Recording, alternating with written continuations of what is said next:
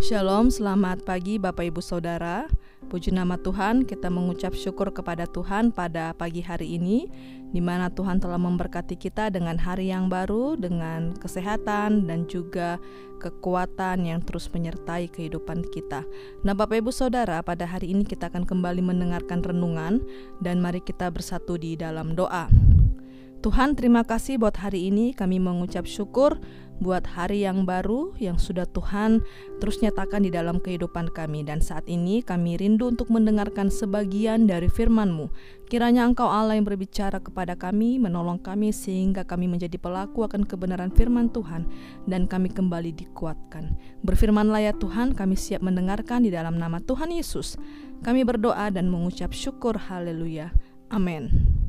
Nah, Bapak Ibu Saudara, mari kita buka di dalam Alkitab kita, Kitab Lukas pasalnya yang kedua, dari ayatnya yang pertama sampai ayatnya yang ketujuh menceritakan tentang kelahiran Yesus dan ayatnya ke-8 sampai ayatnya yang ke-20 menceritakan tentang gembala-gembala. Nah, Bapak Ibu, langsung saja kita melihat di ayatnya yang ke-8 di daerah itu ada gembala-gembala yang tinggal di padang menjaga kawanan ternak mereka pada waktu malam. Tiba-tiba berdirilah seorang malaikat Tuhan di dekat mereka dan kemuliaan Tuhan bersinar meliputi mereka dan mereka sangat ketakutan. Lalu kata malaikat itu kepada mereka, "Jangan takut, sebab sesungguhnya aku memberitakan kepadamu kesukaan besar untuk seluruh bangsa. Hari ini telah lahir bagimu juru selamat, yaitu Kristus Tuhan di kota Daud." Dan inilah tandanya bagimu, kamu akan menjumpai seorang bayi dibungkus dengan lampin dan terbaring di dalam palungan. Dan tiba-tiba tampaklah bersama-sama dengan malaikat itu sejumlah besar bala tentara sorga yang memuji Allah katanya. Kemuliaan bagi Allah di tempat yang maha tinggi, dan damai sejahtera di bumi dia di antara manusia yang berkenan kepadanya. Setelah malaikat-malaikat itu meninggalkan mereka dan kembali ke sorga, gembala-gembala itu berkata seorang kepada yang lain, Marilah kita pergi ke Bethlehem untuk melihat apa yang terjadi di sana, seperti yang diberitakan beritahukan Tuhan kepada kita.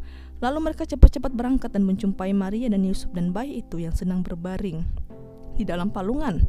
Dan ketika mereka melihatnya, mereka memberitahukan apa yang telah dikatakan kepada mereka tentang anak itu.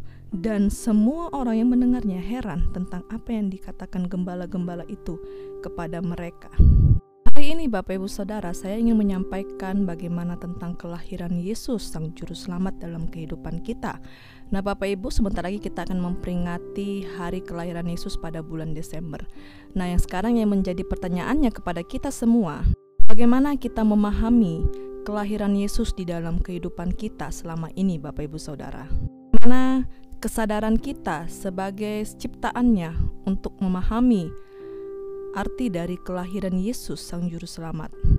Apakah kita merayakan Natal dengan aksesoris-aksesoris Natal ya yang biasanya dilakukan orang-orang ya bahwa Natal identik dengan aksesoris Natal dengan pohon Natal hanya itu sebatas itu saja Bapak Ibu Saudara. Dan yang menjadi e, pertanyaannya dalam kehidupan bagaimana kita meresponi kelahiran Yesus di dalam kehidupan kita. Bapak Ibu mari kita sama-sama menyadari bahwa Kelahiran Yesus memiliki tujuan di dalam kehidupan kita, Bapak Ibu Saudara. Nah, sebelumnya dalam Perjanjian Lama sudah dinubuatkan mengenai kedatangan Mesias di dunia ini. Dia adalah Yesus Kristus yang akan menjadi juru selamat dalam kehidupan kita sampai saat ini, Bapak Ibu Saudara. Mengapa Yesus harus lahir ke dunia? Mengapa Yesus dikatakan juru selamat ya? Dan Yesus lahir ke dunia untuk membawa kabar baik yaitu kabar keselamatan bagi kita yang telah diciptakannya. Kelahiran Yesus tentu membawa perubahan yang baik. Dia menyelamatkan kita Bapak Ibu Saudara oleh karena kasihnya yang begitu besar. Kelahiran Yesus juga membawa damai sejahtera, sukacita, dan adanya kuasa untuk melakukan mujizat. Untuk itu Yesus menginginkan kita sebagai ciptaannya untuk menerima dan menyadari akan kelahiran Yesus dalam kehidupan kita.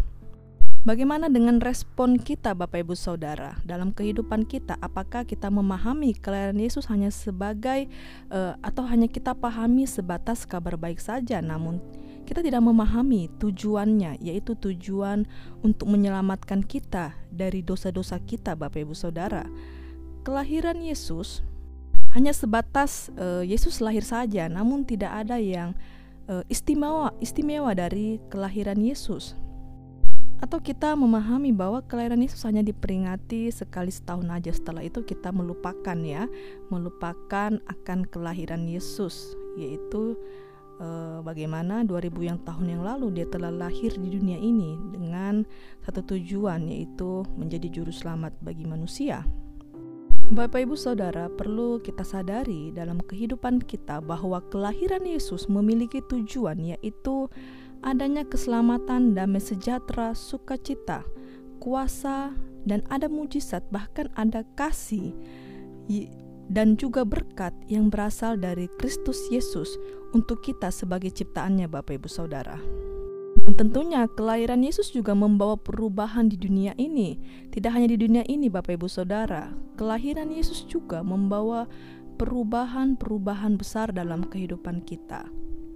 Untuk itu Bapak Ibu Saudara, mari kita terus menyadari dan meresponi kelahiran Yesus terjadi dalam kehidupan kita, dalam sepanjang hidup kita, dalam setiap waktu, setiap hari. Kita terus uh, menyadari bahwa Yesus telah lahir, Yesus telah datang ke dunia ini untuk menyelamatkan saya, kita semua Bapak Ibu Saudara oleh karena kasihnya.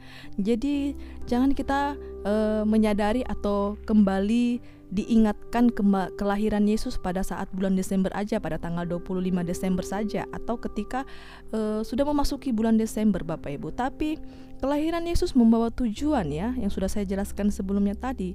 Ada tujuan dan tujuannya itu Bapak Ibu harus kita uh, pahami setiap hari dan kita renungkan bahwa betapa berharganya kita di hadapan Tuhan sehingga Yesus datang. Yesus ingin menyelamatkan kita dari dosa-dosa kita yang selama ini mengikat kita, yang mengutuk kita.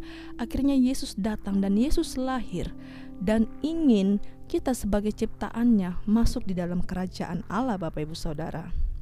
Kelahiran Yesus tidak hanya berbicara sekali setahun Bapak Ibu Saudara, kelahiran Yesus tidak terjadi pada bulan Desember saja ya, tetapi kelahiran Yesus itu selalu terus ada dalam kehidupan kita sampai saat ini dan sampai selama-lamanya bahwa kelahiran Yesus ada memiliki kepastian dalam kehidupan kita yaitu dia sebagai juru selamat dalam kehidupan kita. Untuk itu Bapak Ibu Saudara, mari kita mengucap syukur kepada Tuhan. Tuhan kita yaitu Yesus Kristus dalam kehidupan kita. Oleh karena melalui kelahiran Yesus, kita mendapatkan kabar baik, yaitu kabar tentang Yesus yang adalah Tuhan sebagai juru selamat kita dan kita sebagai ciptaannya. Mari kita menyadari akan kelahiran Yesus yang membawa perubahan pada dunia ini dan terlebih membawa perubahan dalam diri kita, dalam keluarga kita, dalam lingkungan kita. Oleh karena Dia telah lahir dan membawa perubahan itu dalam kehidupan kita. Dan menjadi tugas kita Bapak Ibu Saudara, mari kita menghidupi kelahiran Yesus adalah tugas kita sebagai ciptaannya dan menerima kabar baik itu.